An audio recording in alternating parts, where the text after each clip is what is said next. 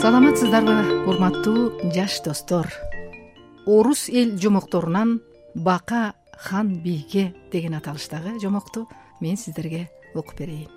Бир хандын үч баласы болуптур бир күнү хан балдарын чакырып алып балдарым өзүңөргө жаа жасап аткыла.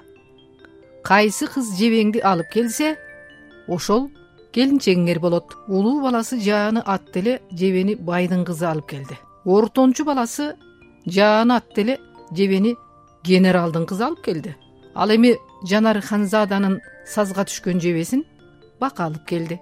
Ыйлап олтуруп жанар ханзада башка айла таппай бакага үйлөндү. Бир күнү хан келиндерин кайсынысы мыкты уз экенин сынагысы келип аларга тапшырма берди жанар ханзада көңүлү чөгүп кайгыланып ойго батып бака эмнени жасай алат эле? дейт ичинен. Жанар ханзада уктап калганда бака эшикке чыгып терисин чечип салып укмуштуудай сулуу кызга айланып апакелер эжекелер эркек кийчү көйнөк тигип бергилечи апакелери эжекелери ошол эле замат шумдуктуудай тигилген эң мыкты жасалган көйнөк алып келишти ал көйнөктү жанар ханзаданын жанына коюп коет да өзү болсо кайрадан бакага айланып алат. Жанар ханзада ойгонду да сүйүнгөн бойдон көйнөктү алып ханга жөнөдү. Хан аны колго алып карап ойбуй бул көйнөктү кудайдын улуу күнүндө гана кийиш керек деди. Ортончу агасы көйнөк алып келди эле хан ага бул көйнөктү мончого гана кийиш керек деди ал эми улуу агасынан көйнөктү алып келип бул көйнөктү болсо капкара кир үйдө кийиш керек деди. Хан кайрадан келиндерине буйрук берип нан бышырып мага алып келгиле дейт. Жанар ханзада уктап калаар замат бака терисин чечип кайрадан сулуу кызга айланды да апакелер эжекелер атакем майрам күндөрү жеп жүргөндөй мага сонун нан бышырып бергилечи апакелер эжекелери ошол замат нанды алып келишти. Ал нанды алып жанар ханзаданын жанына коюп койду да өзү кайрадан бака болуп калды. Жанар ханзада ойгонуп нанды алып атасына алып барды. Хан биринчи ирет улуу баласын наны менен ортончу баласынын нанын көрүп ашканага берип жиберди. Кезек жанар ханзадага келип жетти. Кандай укмуш сонун нан муну кудайдын улуу күнүндө гана жеш керек деп суктанды.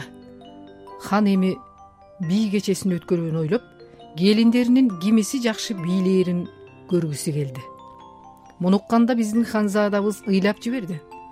Аны көргөн бака мындай деди ыйлаба жанар сен бий кечесине кете бер.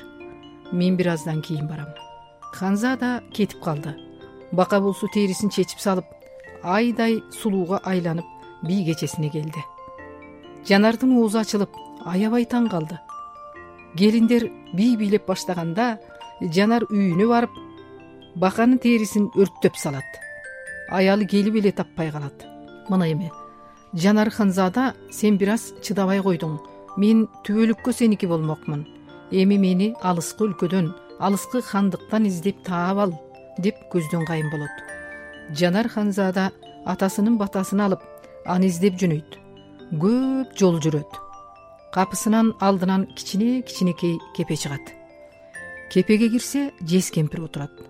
Жез кемпир ага кайда бара жатасың? Мен айдай сулууну издеп жүрөм а жанар ханзада ал эми менин эжемдин үйүндө жашайт.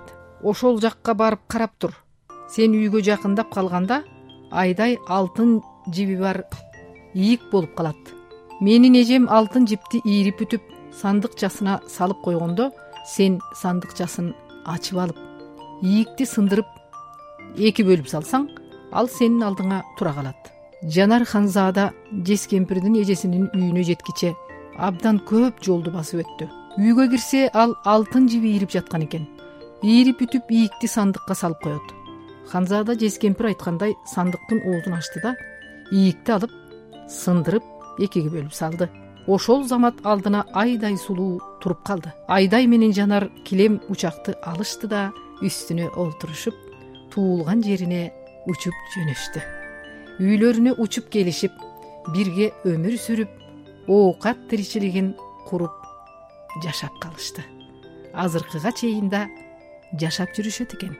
Урматтуу кичинекей досторум сиздер үчүн жомокту окуган кыргыз республикасынын эл артисти саламат садыкова апаңыздар көрүшкөнчө